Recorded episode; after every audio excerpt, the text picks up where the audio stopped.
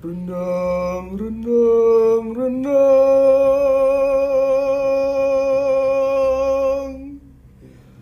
Real dan Danang. Siap-siap ya.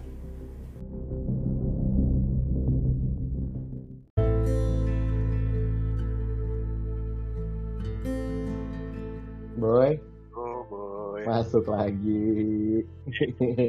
Balik lagi nih di podcast rendang nih bareng gua Real dan Danang. Eh, btw apa kabar lu boy? Alhamdulillah sehat Pak, masih struggle-struggle aja. Lu gimana? Ya alhamdulillah sama lah. Namanya juga masih student kan. Yoi. Yoi. Emang ya kalau misalnya kalau misalnya jadi mahasiswa tuh identik dengan kata struggle walaupun sok tahu gue setelah lewatin masanya mahasiswa itu lebih struggle lagi coy karena langsung ke kehidupan nyata gitu. Gue kan. yoi jelas banget. Apalagi dulu kan gue pernah ngalamin sempat kerja juga kan dulu. Pas Gimana gue tuh, dulu gimana tuh? beres S1 itu. Heeh. Ya lu bayangin aja. Pikiran gue nih waktu dulu. Wah, gue udah beres kuliah. Pengen langsung kerja nih. Udah enak lah ya Pikiran gue udah, pikiran gue udah enak. Terus Terus realitanya kayak gimana? Anjing. Nama lu gue sebut kan. Makanya. dari apa namanya dari gue lulus sampai gue Hmm. dulu sempat kerja ya begitulah mesti nunggu dulu berapa lama gitu kan itu ada waktu Hmm. fase nganggurnya terus fase lu stres buat eh, apa namanya masukin lamaran-lamaran kerjaan segala macam Oh. kayak gitu itu sih yang paling stres gitu Iya sih. Kalau misalnya gue denger de- cerita dari teman-teman gue gitu ya, Hmm. kayak eh, bu- mereka udah udah struggle parah nih, udah berjuang Hmm. parah buat kuliah, ya kan? Hmm. Udah lulus nih, udah udah ibaratnya satu satu achievement gitu udah udah unlock gitu kan, Hmm. Udah kebuka, udah bisa kasih jasa ke orang tua. Jas langsung dihadapkan dengan kenyataan bahwa mencari pekerjaan itu sulit banget Hmm. parah sulitnya belum lagi setelah misalnya udah dapet nih udah Wah, dapet ya itu kan? lebih gila lagi sih pak wah itu lebih gila lagi belum Lebih lagi gila lagi. berjuang untuk karir sendiri di di lingkungan kantor yang nah itu ada yang Hmm. ada yang sehat ada yang enggak ada yang ada yang sifatnya membangun ada yang kompetitif abis tuh Hmm. walaupun nggak semua kompetitif itu menjatuhkan tapi kebanyakan kayak ya lo tau lah busuk-busuknya gue kebaca banget sih dan lagi kalau misalkan di dalam dunia kerja tuh dulu Mm-mm. belum lagi lu dihadapin deadline yang lebih parah dari deadline waktu kuliah coy kebayang nggak? iya sih, Kebayang sih lu? gue denger gitu sih. Oh. Kebayang sih. Kalau misalnya deadline kuliah gitu kan, lo ibaratnya tergantung sih tingkat Mm-mm. kesulitannya seberapa. Malamnya tuh masih bisa lo kebut tuh, nah itu sengaja masih bisa dikebut gitu kan masih Nah. bisa kebut. Kalau Nah. deadline kerja, bah, lu dikasih tasnya pagi-pagi heeh. dia bilang sama manajer lu eh nanti jam 12 sebelum kita makan siang kita meeting dulu ya ngebahas hal ini kita presentasi ini kayak gimana hmm, puyeng nggak pala lu puyeng nggak pala lu gila sih. Gila gila gila gila gila Hmm. Terus itu kan ngomong-ngomong dari dari dunia kerja dan dunia Uh, mahasiswa. Ini kan yang paling deket sama kita berdua tuh dunia mahasiswa lah ibaratnya. Mm-mm. kan gue pengen tahu nih seberapa seberapa dalamnya sih lu struggle ketika lu lagi masa kuliah either lu lagi ada apa namanya lagi ada eh, backup finansial maupun tidak Mm-mm.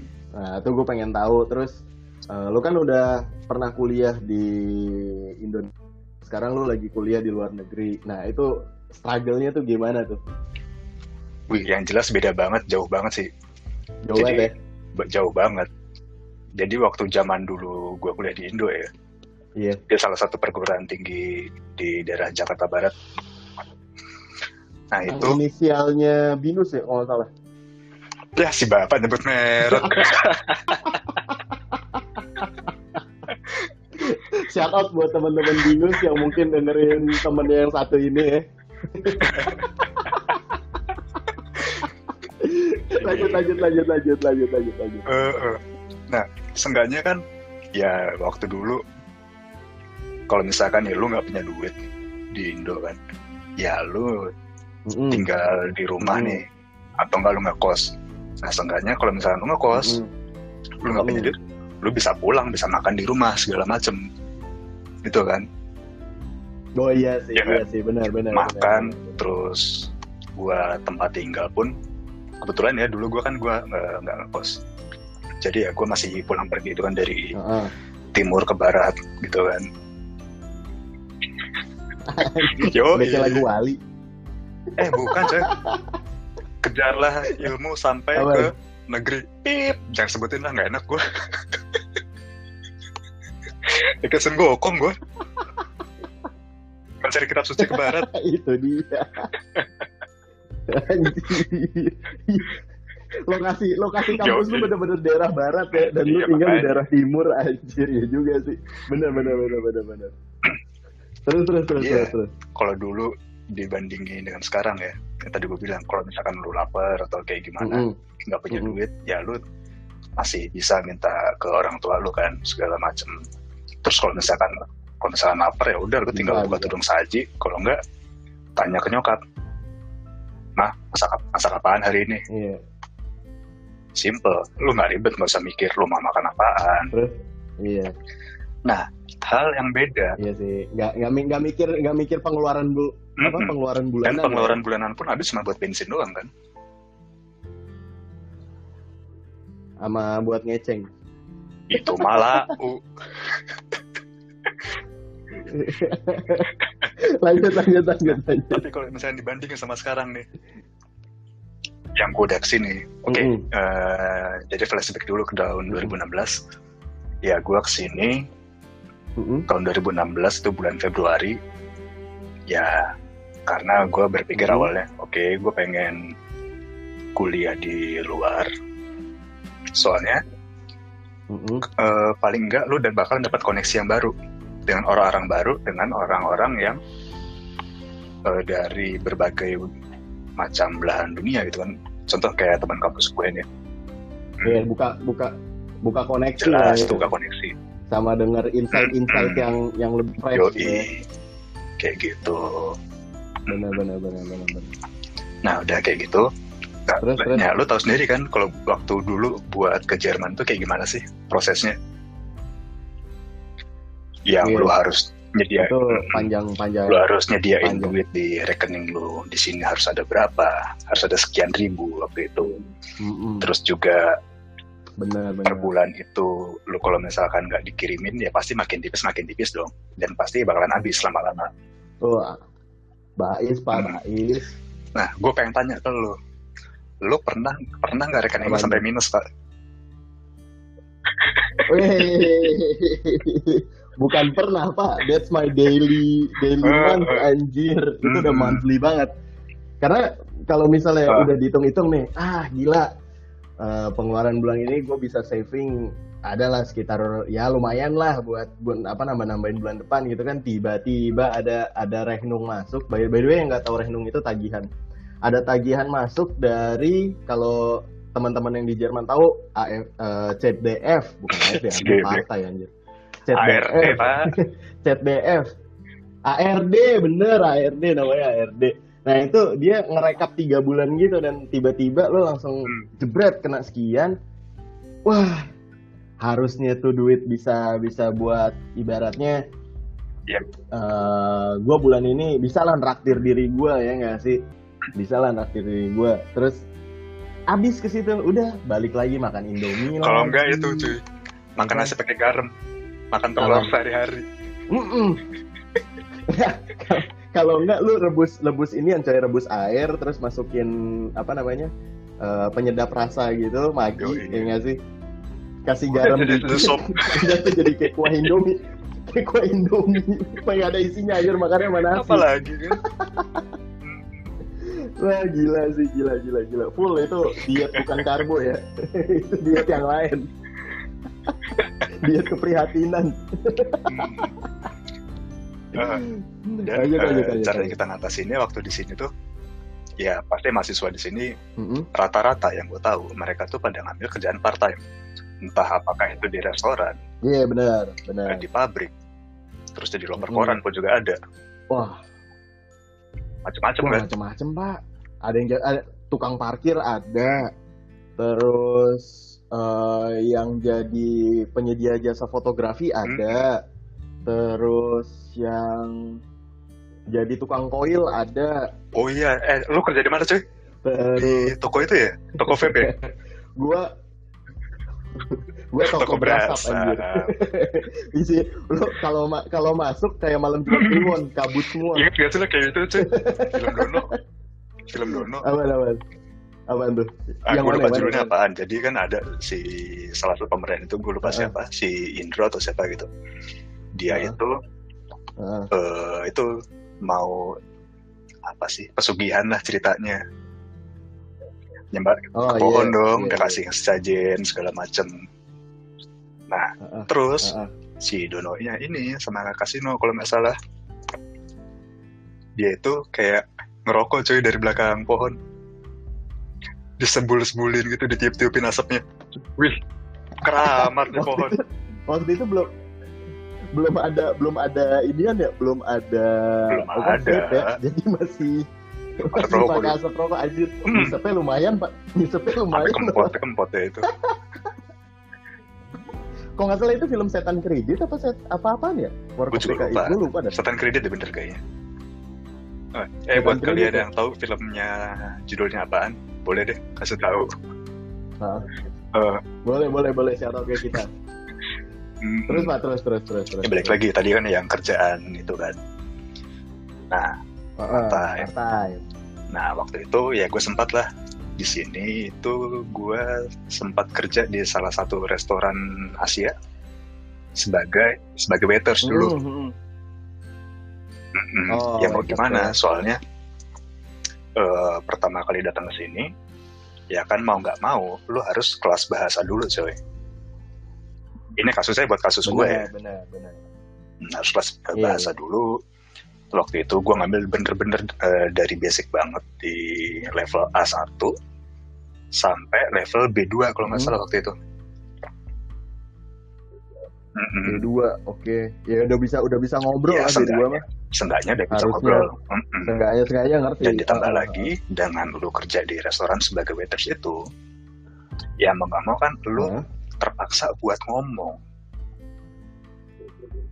Iya, jadi iya, kelatih mau nggak ya. mau wah dapat Mm-mm. benefit banget anjir Nah, makanya kayak eh, salah satu alasannya itu satu buat nambah Hmm. income gua. Soalnya kan waktu itu ya bisa dibilang lo tau sendiri kan namanya mahasiswa dengan duit pas-pasan, iya dengan duit yang Ah. awalnya kita didepositkan dari waktu berangkat dari Indonesia itu, lo harus benar-benar saving sebagaimana seirit mungkin kan. Nggak mau. Hmm? harus harus sih sebenarnya Mm-mm. sebenarnya udah kayak gitu nah daripada duit lu nanti nggak cukup per bulannya atau kayak gimana ya udahlah gue ngambil part time situ Mm-mm. sambil gue belajar bahasa juga karena lu tau sendiri rata-rata orang Jerman sini kalau misalkan kita ajakin ngomong bahasa Inggris ada di beberapa kota mereka tuh nggak mau. Setuju nggak? Iya benar tuh benar. Ada. Mm-mm. setuju gua setuju setuju setuju. Setuju. Bahkan bahkan kalau misalnya kita ngomong bahasa Inggris tuh kayak langsung lu ngapain jauh-jauh ke Jerman anjir kalau misalnya lu sampai sini ngomongnya eh, bahasa Inggris lagi bahasa Inggris lagi? Karena menurut gua dari kultur mereka mereka tuh pride banget sama bahasanya. Walaupun mereka juga mereka sendiri juga bilang bahasa Jerman tuh bahasa yang sulit mereka juga bertanya-tanya kenapa lu mau ke sini padahal bahasanya susah Mm-mm. Nah udah eh, masalah itu udah selesai. Terus Mhm. gue lanjutin lagi tentang duit nih. Ya lumayan lah ya. Kayak setiap bulan tuh dapat sekian ratus euro. Tergantung dari pekerjaan ya. Mhm. Waktu itu gue digaji di restoran itu sekitar 8 euro, apa delapan setengah euro per jamnya. Mm-mm. per jam Dan soalnya kayak lu tau sendiri kan, mahasiswa itu kayak dibatasin gak sih buat jam kerjanya? Mm-mm. Iya, mahasiswa tuh dibatasin. Kalau misalnya dari regulasi yang ada, sebenarnya kita bisa ngambil eh, yang di atas minimal amount. Minimal amount itu 450. Itu be- itu namanya basis kalau di Jerman. Tapi kena pajak kan. Kalau misalnya Kalau lu lebih. Ken- kalau misalnya di atas itu, di atas itu, lu konsekuensinya lu harus bayar pajak. Dan itu dikalkulasin dari gue lupa hitung hitungan berapa persen. Yang jelas lu kena potongan pajak. Jadi misalnya lu harusnya terima eh, katakanlah 600 bisa jadi 550 dan itu masuk ke pajak. Pajak ada macam-macam pajaknya. Hmm. Lanjut lanjut. Lanjut. udah dari situ gue pikir oke duit gue masih ada nih sekian yang dari Indonesia. Ditambah lagi gue kerja, Mm-mm. terus gue hitung lagi nih pengeluaran gue apa aja sih kayak rumah, terus buat Peng- internet, tam- Iya, Hmm, internet pusat pulsa telepon tuh masih oh. jadi satu lah ya. terus yang paling rese tadi lu bilang ARD, CDF itu, hmm, Ih. paling apek itu tiap tiga bulan dapet. Masalahnya kita nggak nggak kadang tuh kita lupa gitu lupa memperhitungkan itu terus tiba-tiba billingnya datang Ih, ini orang tuh munculnya benar-benar kayak Hmm. jalangkung datang tadi jemput pulang tadi antar ngaco Makanya, nah kan, nah dari situ ya udah kita ya mau nggak mau harus saving segimana irit mungkin kan. parah itu parah, case parah. waktu gue kelas bahasa dengan eh, rekening yang masih full tuh pada saat itu. Nah, masih masih zaman zaman berjaya ya kayak lu makan di restoran mau setiap hari juga ayo aja. Selama duitnya masih ada. Yo Nah, ini mulai menarik nih sekarang. Waktu zaman-zaman gue tahun Hmm. 2017 mulai kuliah. Kan. Dewa ya Yoi. The downfall Hmm. Jadi eh, waktu zaman dulu kan gue eh, di kota ya di daerah selatan kan. Nah sedangkan gue sekarang Hmm. kuliah di daerah Oh, agak ke utara nih. Yang mana awal-awalnya lu buat cari kerja pasti akan susah karena eh, apa namanya jelas beda kota, lu harus penyesuaian lagi, lu harus cari-cari koneksi lagi di sini segala macem. Nah, iya akhirnya ya udahlah selama gue kuliah jatuhnya makan tabungan. Jadi tabungan yang ada waktu kemarin di kota sebelumnya itu ya udah dipakai buat sehari-hari buat bayar rumah segala macam nah sampai pada satu titik gue udah nggak punya duit sama sekali. Anjing gua ta- gua gua tahu lagi ceritanya bang. lanjut lanjut. lu inget gak sih boy Eh, yang itu kita Apa cari tuh? botol malam-malam boy Wah iya pak, wah. jadi pemulung main. gitu Bukan saking nggak punya duit nih Bukan main.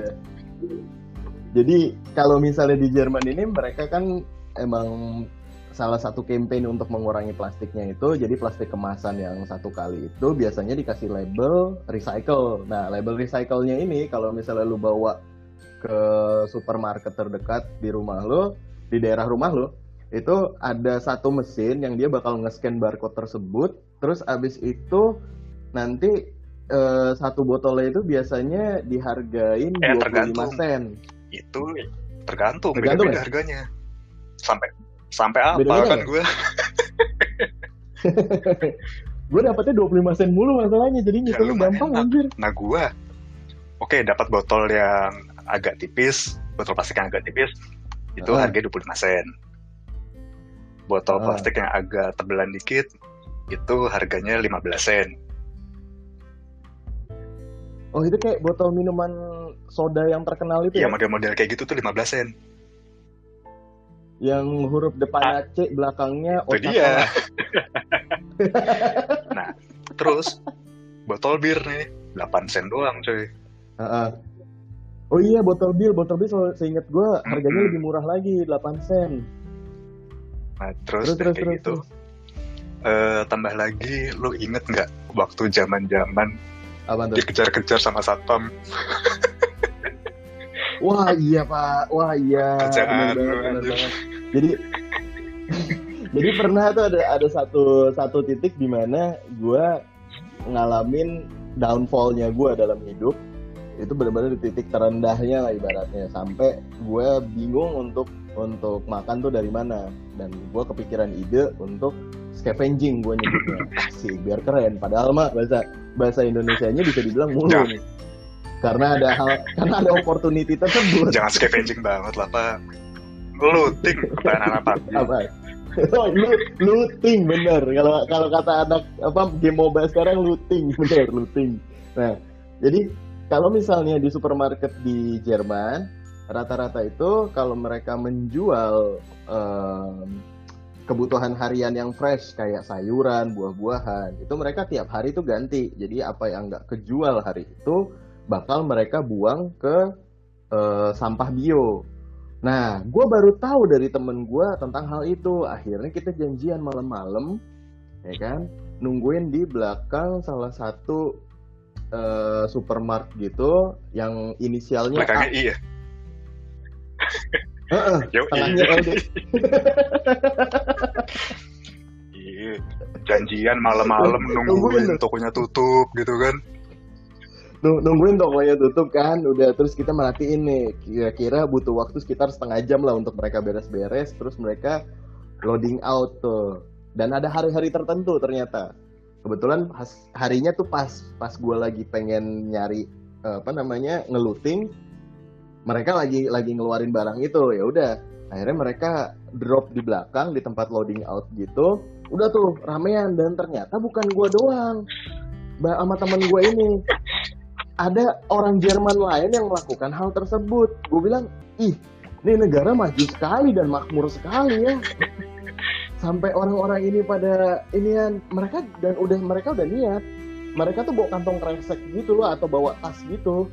Jadi ya udah kita semua pada nyari, oh ini masih bagus nih brokolinya. Ini paprikanya nih cuman ada ada shaden sedikit, ada kerusakan sedikit lah di bagian kulitnya yang kalau misalnya Ya potong udah, ya bisa dimakan. sisanya bisa lo makan ya, bisa dimakan. Waktu itu gue inget banget gue ngambil brokoli dua bonggol gitu terus eh, tiga paprika terus satu daun bawang satu ikat gitu. Terus sama kalau nggak salah ada satu sebungkus eh, daun bayam kalau nggak salah yang udah hampir layu tuh.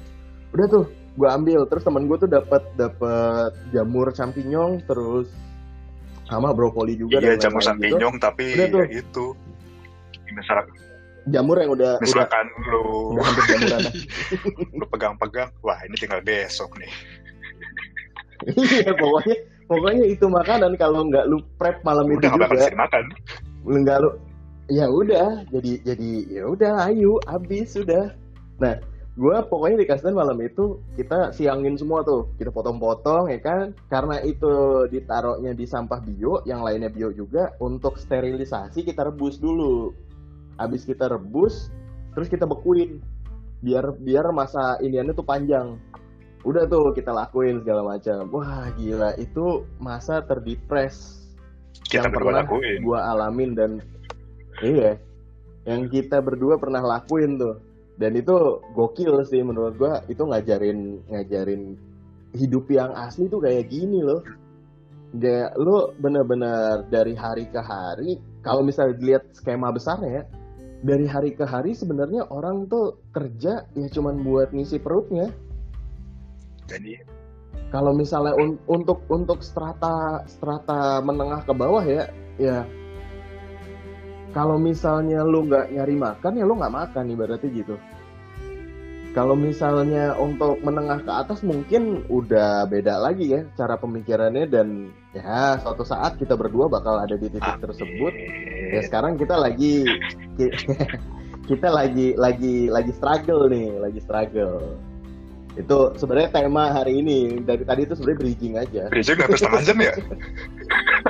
iya bridgingnya bridgingnya setengah jam aja nah eh, ada lagi nggak pak kira-kira hal struggle yang pernah lo lakuin yang lo inget nih selama lo ada di negara asing Hmm. Lu tuh harus jadi orang oportunis coy. Contohnya, contohnya bener waktu di kota sebelumnya nih. Ya kan Ah. gua join lah sama grup-grup apa namanya pengajian di kota gue itu kan di kota sebelumnya. Nah biasanya mereka itu kalau Hmm. ngajarin pengajian pasti ada makan-makan dong. Minimal sebulan Hmm. sekali lah. Kan lumayan Hmm. tuh. Lu nggak usah keluar duit. Benar sih benar benar lu nggak usah mikir mau makan apa. Ada pengajian Hmm. udah datang aja numpang makan. Eh, model model model dengerin model dengerin ngangguk-ngangguk. terus kalau misalkan ada yang apa si penyampai materinya ada yang mau tanyain nggak sok-sok aja nanya hal-hal yang ya sebenarnya gue gue Ulas balik ke awal lagi. yang padahal lu udah tahu jawabannya seenggaknya Mm-mm. retorik ada feedback lah kayak gitu iya seenggaknya kelihatan kayak wah Mm-mm. aktif nih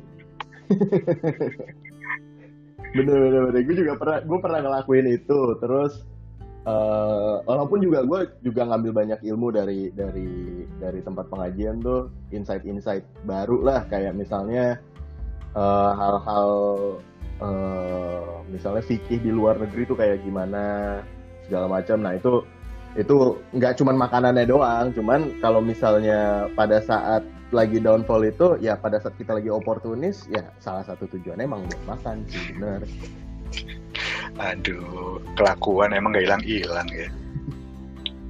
Tapi bener sih. Jadi, eh Apaan? gue kayak pernah baca satu artikel kalau nggak salah. Apaan? Kalau di saat lu lagi nggak punya duit, lu tuh bakal mikir gimana caranya buat bisa makan dan gimana saya buat ngasilin duit. Hmm.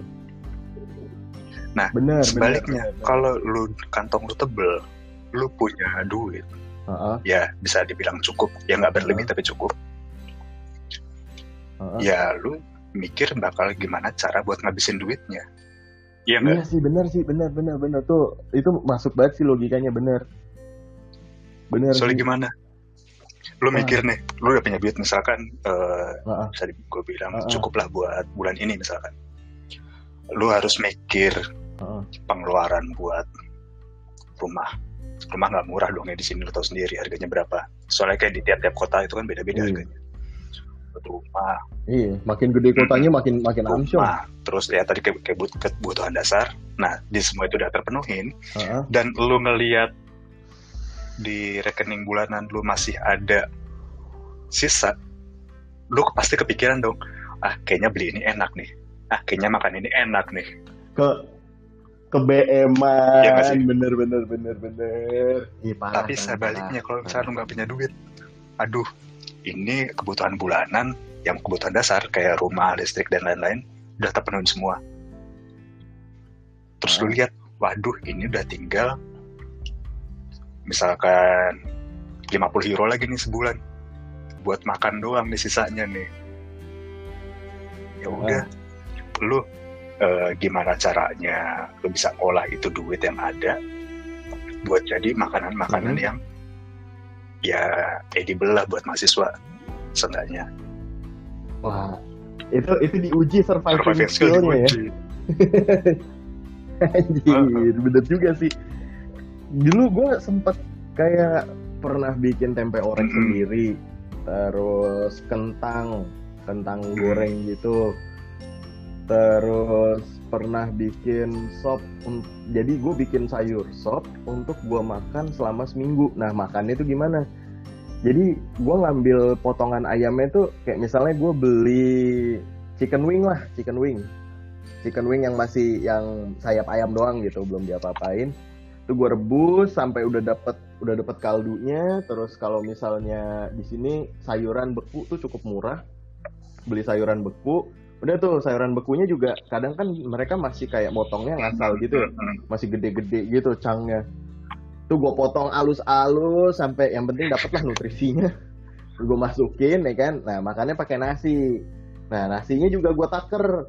Misalnya kalau untuk waktu zaman-zaman itu satu kali makan itu seperempat gelas. Jadi kalau misalnya untuk tiga kali makan ya tinggal dikaliin aja tuh gelasnya. Udah udah terus ngambilnya tuh ngambil kuahnya aja. Kalau misalnya lagi ada duit dikit beli Nah, kecap gitu. biar enak. Tambahin kecap bener. Asli pak itu.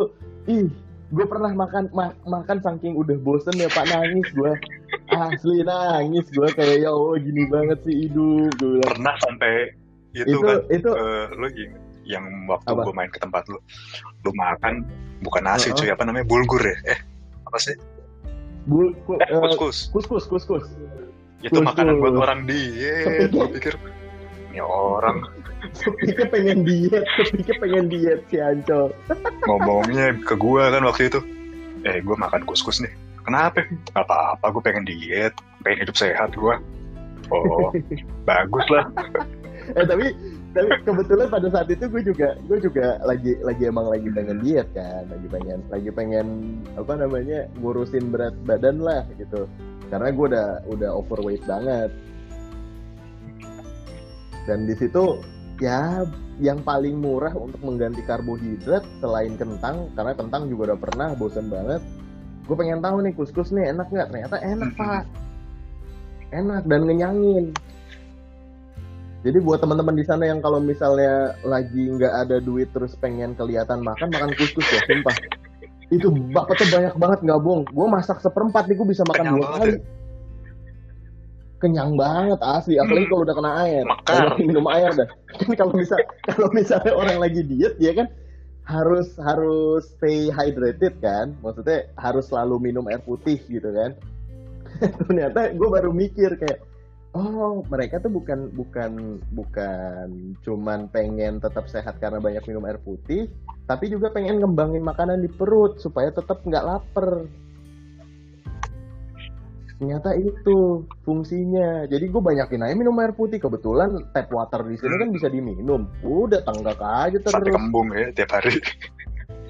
Hmm, tiap hari bukan kenyang kembung tapi kembung. Heeh. Itu nggak ngerasain lagi tuh pipis warna kuning tuh nggak ngerasain. Bening mulu pasti bening mulu. Dan tiap 15 menit sekali udah pasti buka WC.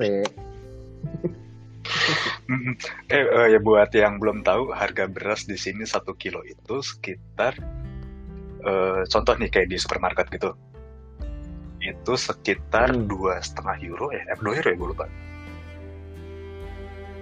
Dua dua euro sampai dua setengah euro tergantung mereknya apa. Kalau misalnya kalau misalnya mereknya yang inisialnya J ada tanda serunya A, di belakang itu murah tuh. Ada tanda serunya di belakang. Nah, itu murah tuh. itu itu disebutnya beras mahasiswa Eh, tuh.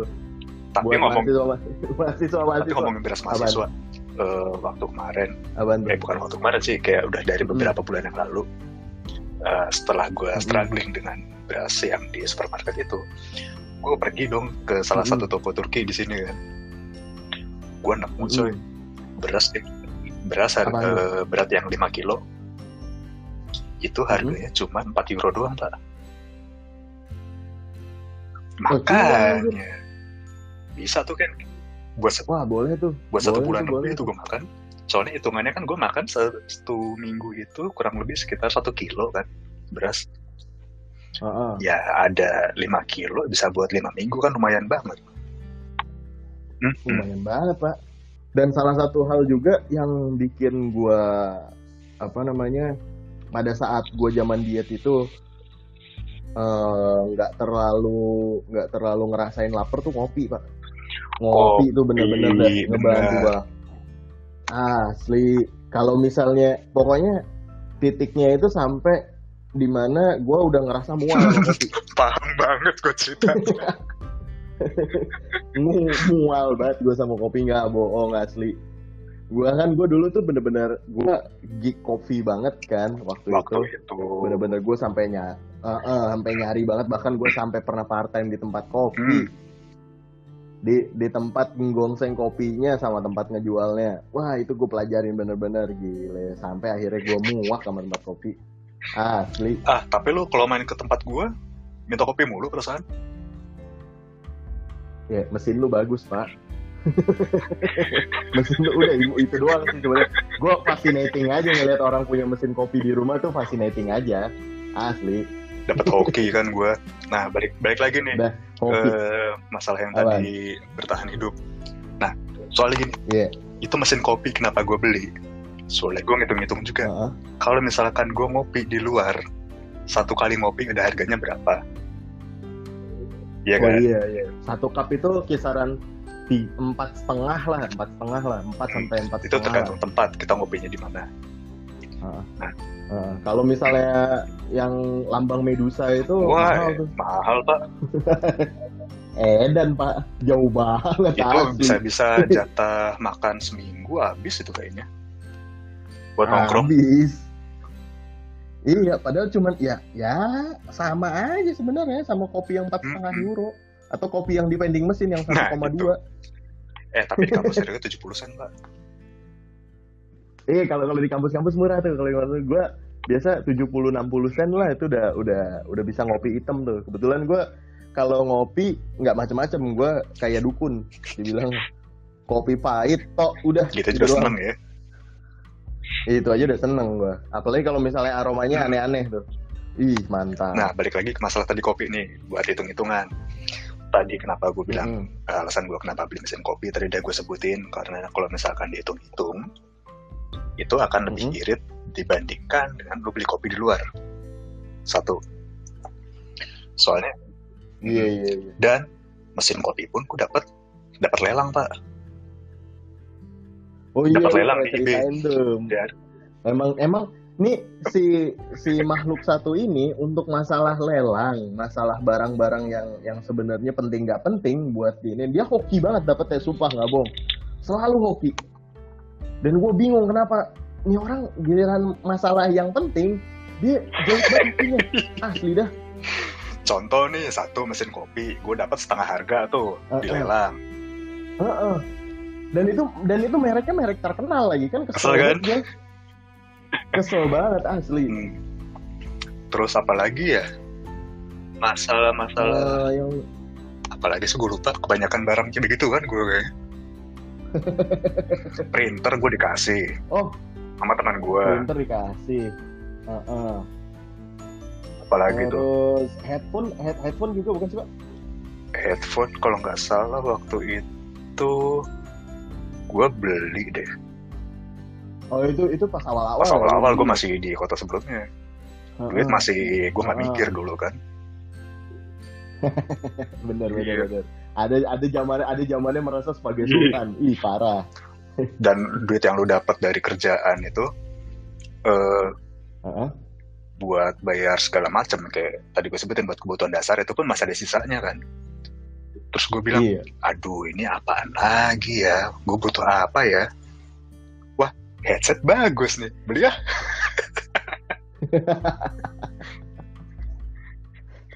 Emang beda ya kalau udah BM asli. Kalau udah BM tuh ada ada sisa duit dikit deh kayak gatel Nah. banget nih nggak nggak boleh.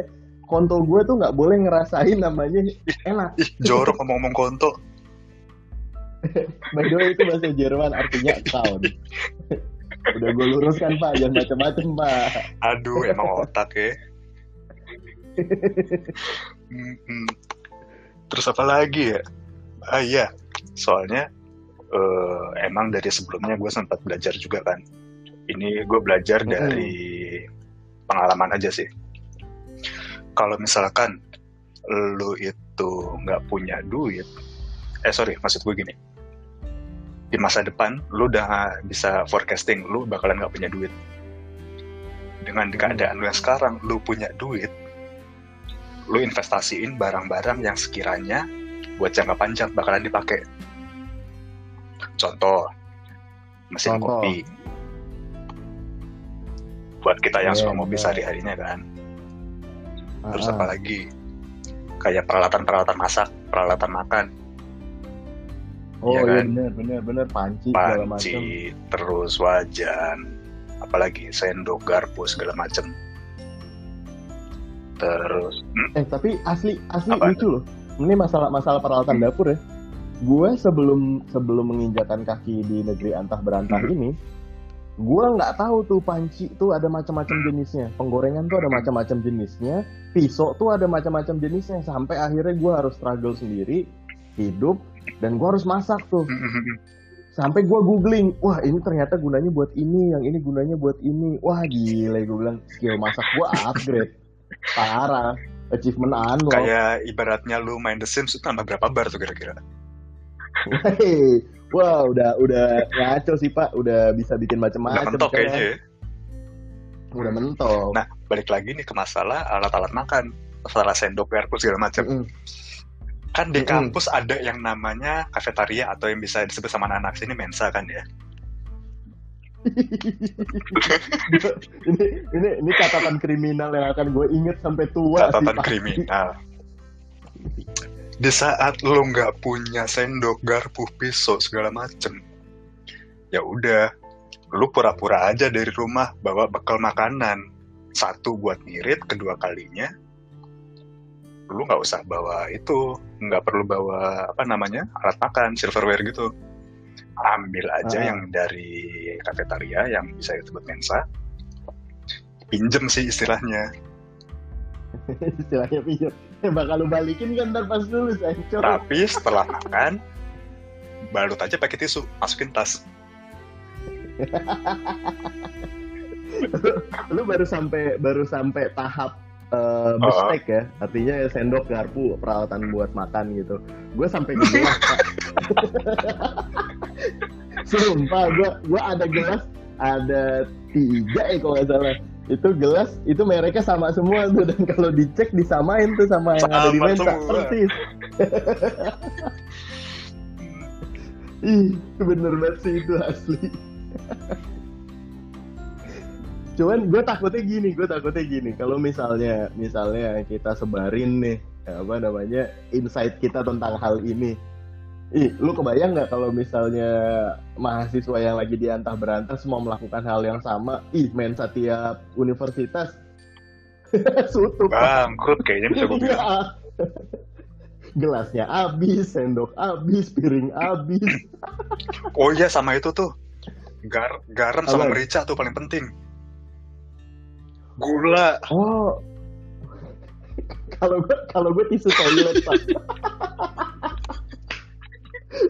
Dengan dalih dengan dalih yang brengseknya tau nggak apa? Gue bilang apaan gue tiap bulan udah bayar uang semester masa gue nggak boleh pawa? Ya tapi kan padahal itu padahal itu itu istilahnya kayak eh, untuk dipakai bersama kan barang umum. Jangan dicontoh ya. hmm. Nah terus gini nih, eh, balik lagi ke masa-masa dulu nih. Lu Hah? sampai nggak punya duit buat beli garam, merica, gula segala macam. Lu tahu semua ceritanya kan anjir. kita kalau misalkan ambil di kampus itu paling satu atau dua udah cukup biasanya. Ya udah kita kebagian yang sorry kita kebagian yang ada bumbu-bumbu masakan gitu. Bukan bumbu sih kayak garam, merica, gula kayak gitu. Gua waktu itu bawa tas dong. Nah, serau, aku masukin tas. Pilih-pilih di rumah. Gula ada buat Mm-mm. ngopi, garam ada buat masak, Merica, merica bener. buat seasoning, aman. Iya bener, bener, bener, bener, bener. Iya, iya, iya. Gue juga pernah lagi anjir. Ya, lu sama gue 11-12 kelakuannya. Kalau bisa dibilang dosa kita sama kampus Hmm. banyak juga ya. Parah. Eh, ngomong-ngomong nih, ngomong-ngomong masalah struggle. Gue baca di satu artikel dari hairway.net. Apa Dia tuh? bilang ada empat struggle dalam hidup yang kalau misalnya lu lakuin, itu akan ngebuat eh, pribadi lu jadi lebih kuat. Hmm. Yang pertama itu kata dia eh, merelakan sesuatu, letting things go. Oke. Jadi kalau misalnya eh lu apa sesuatu itu harus pergi dari lu dan ya lu harus menerima itu dengan ikhlas gitu. Either itu orang ataupun benda apa pun itu kalau misalnya lu udah bisa ikhlas ngerelain itu pergi ya lu akan secara nggak tahu otomatis mungkin ya secara otomatis lu akan jadi pribadi yang lebih kuat. Lu pernah nggak pengalaman itu pak? Kayak lu harus ya udahlah let go aja lah. Waktu itu apa ya? Lupa gue barang apaan, cuma pernah. Saking, pernah. Pernah ya? Jadi gue saking nggak punyanya duit pada saat itu. Dan, eh, apa namanya, ya mau nggak mau gue kan ya cerita juga kan ke orang tua gue. Kondisi gue di sini kayak gimana. Mm-mm. ya Mm-mm. mau nggak mau ya mereka support dong masalah finansial. Iya, Nah, tapi iya, iya. eh, ada satu eh, satu waktu di mana eh, pada saat itu orang tua gue nggak bisa ngirim sini Mhm. Mhm. dan itu ya gimana caranya gue harus struggling kayak gini dan gue inget oh iya gue punya salah satu benda nih value-nya lumayan Mhm. Mhm. itu ya mau nggak mau gue lepas kan Nah, itu itu itu pernah juga gue Mm-mm. ngalamin tuh. cuma gue lupa waktu itu apaan yang gue lepas ya Ya, pokoknya udah udah udah Mm-mm. lewat lah ya. Nah, Hmm, lanjut nih yang kedua itu kata si artikel itu toxic relationship.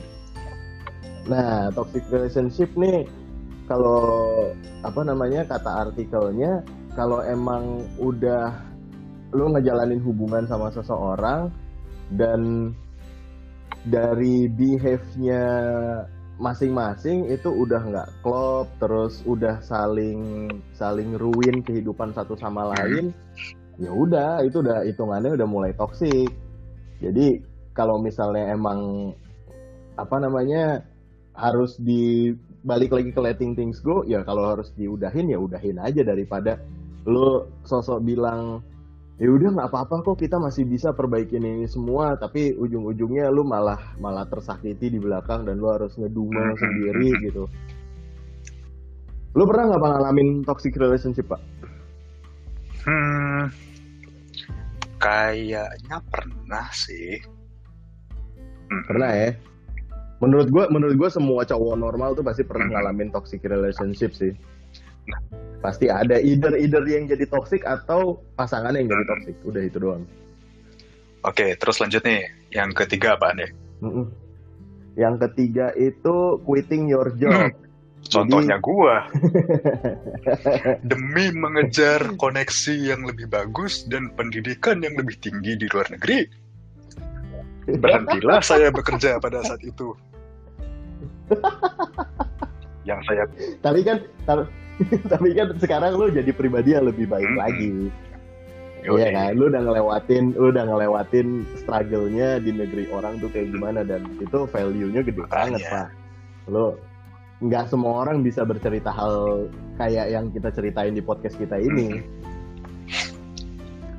Terus yang keempat tuh facing tragedi, facing a tragedy. Jadi kalau kata dia eh, setiap naik turunnya hidup itu pasti akan melewati namanya facing tragedi. Nah di facing tragedi ini lo seakan-akan diajak untuk berpikir kreatif ketika lu merasa powerless dalam arti ini ada masalah nih yang kita hadapin nih kita harus bener-bener muter otak abis-abisan gimana caranya tragedi ini dirubah jadi blessing Hmm. nah kalau misalnya lu udah bisa muter itu tragedi jadi blessing berarti artinya lu udah uh, achievement unlock nih, lu udah jadi pribadi yang lebih baik lagi, lu udah bisa lebih menghargai hidup.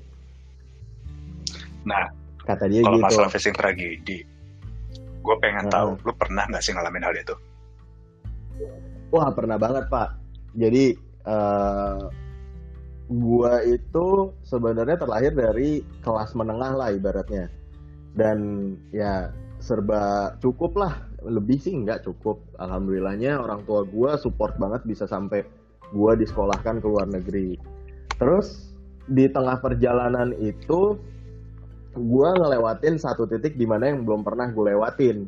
Yaitu tragedi di mana bokap gua harus off dulu dari kerjaannya dan dia belum bisa balik ke kerjaannya tersebut sampai recovery. Dan setelah recovery ternyata muncul regulasi yang menghambat dia untuk balik ke pekerjaan sebelumnya. Dan itu benar-benar nge- ngeruin semuanya. Dan itu yang menyebabkan gua pribadi harus ngelewatin banyak hal yang sebenarnya ada bagus ada enggaknya juga. Tapi lebih banyak benefitnya setelah gua ngelihat ke belakang tuh lebih ngebangun diri gua jadi pribadi yang lebih kuat. Dan gue ingat banget kata bokap gua. Bokap gue tuh bilang gini kalau misalnya kamu itu diibaratkan sebuah pedang pedang yang terbaik itu akan ditempa di suhu yang tinggi otomatis akan dibakar. Udah dibakar. Di pertama kan kalau misalnya bikin pedang itu kalau teman-teman tahu dia dari biji besi atau dari sebuk besi yang dilumerkan, habis dilumerkan kan itu dipanasin tuh, habis itu dimasukin ke cetakan, cetakan baru di forging lagi dimasukin ke tungku api, ditarik keluar, habis itu digetokin, digetokin, dilipat, dimasukin lagi, getokin, lipat, masukin lagi sampai ketemu shape, udah jadi shape-nya nih. Habis itu digerinda sampai jadi mengkilat. Nah, bokap gue tuh mengibaratkan kalau misalnya kita lagi ngelewatin tragedi dalam hidup yang amat sulit, anggap aja kita tuh lagi dipersiapkan untuk jadi pedang yang paling tajam dan mengkilat. Supaya di kehidupan mendatang, kita siap tuh untuk nebas-nebas hal-hal yang kira-kiranya akan membuat kita jatuh, kata bokap gue gitu. Dan itu ngebuat ngebuat ngebuat gue pribadi kayak, wah oh, iya sih, gue nggak boleh larut-larut dalam dalam kesedihan ini sih. Dan ya, alhamdulillah dari downfall itu yang gue sebut downfall atau tragedi itu ya gue bisa ngerasain namanya kerja di perusahaan besar perusahaan mebel besar terus gue pernah part time di berbagai macam restoran dari mulai Asia sampai Eropa terus gue pernah uh, kerja di percetakan besar. Gue pernah nyikat cerobong kapal ah, asli. Itu pulang muka gue hitam pak. Ih ngaco. Ih parah. Lu itu debu debunya lu tau gak sih kayak ini kan apa namanya? Kan karat semua uh -huh. tuh. Cuman kalau misalnya karatnya diganti warna putih itu kayak itu kan apa, apa namanya? Gula tabur. Bukan gula tabur yang ada di donat. Serius sampai kayak gitu. Iya. Asli pak. Itu untungnya untungnya regulasi di Jerman itu kalau kerja emang safety first. Hmm. jadi kita dikasih dikasih masker segala macam yang uh, dust proof gitu ibaratnya. Yang benar-benar partikel kecil tuh nggak bakal masuk. Nah itu pulang jadi yang yang kelihatan warna kulit asli gue itu cuman yang ketutup masker doang aslinya bohong gue berasa gue berasa jadi kartun gitu gak sih? Karena sisanya tuh bener-bener warna karat. Kayak dakotan gitu nggak sih ke or- iya iya udah mana kulit gue bukan putih nah. lagi kan. Terus gue juga uh, pernah kerja di beberapa restoran yang uh, yang tadi gue sebutin itu dan di situ gue ngambil skill masak sebenarnya. Gue ngeliatin gimana si chefnya itu ngolah terus gue uh, sesekali diajak untuk preparasi gimana cara megang pisau gimana cara nyangin ikan daging sampai milih uh, buah-buahan yang masih fresh tuh gimana milih uh, apa namanya uh, daging yang masih yang bakal enak hmm. untuk dimasak tuh kayak gimana gitu-gitu. Terus juga pernah uh, apa namanya kerja di uh, ini ngangkat-ngangkat koper di pelabuhan. Jadi porter.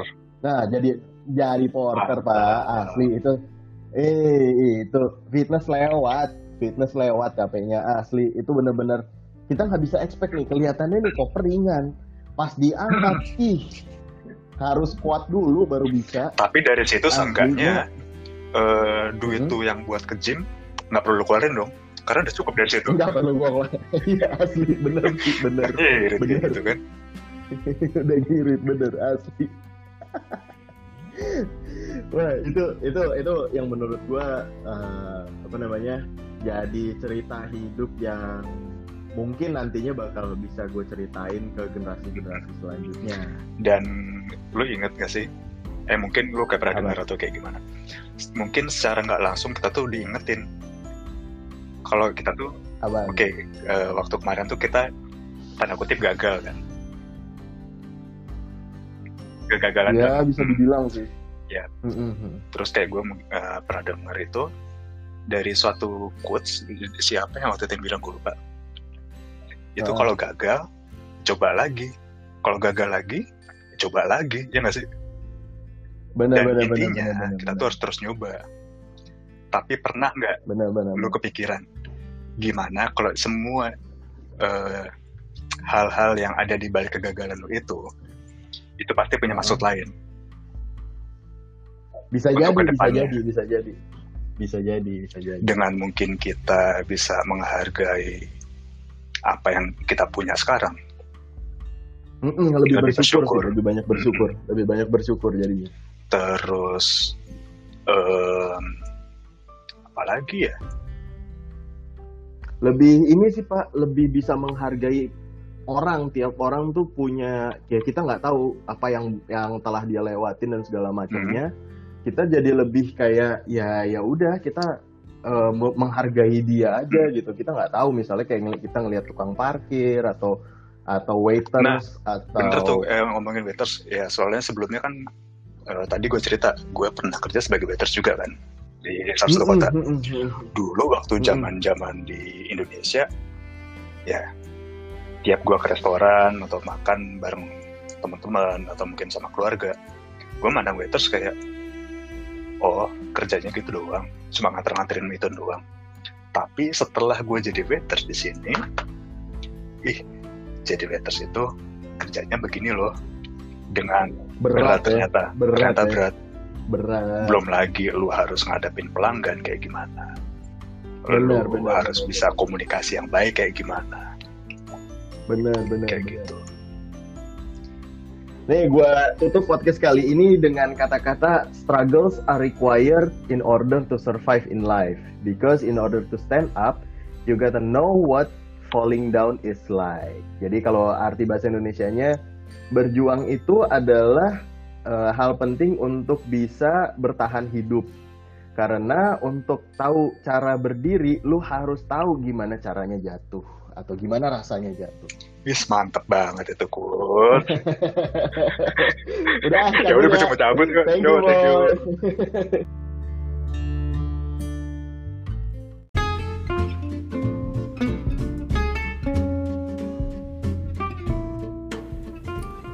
Buat teman-teman yang suka dengan podcast kita, bisa kalian dengerin di Spotify dan di Apple Podcast. Semoga kalian suka, share ke teman-teman dan sampai ketemu di podcast kita berikutnya. Bye.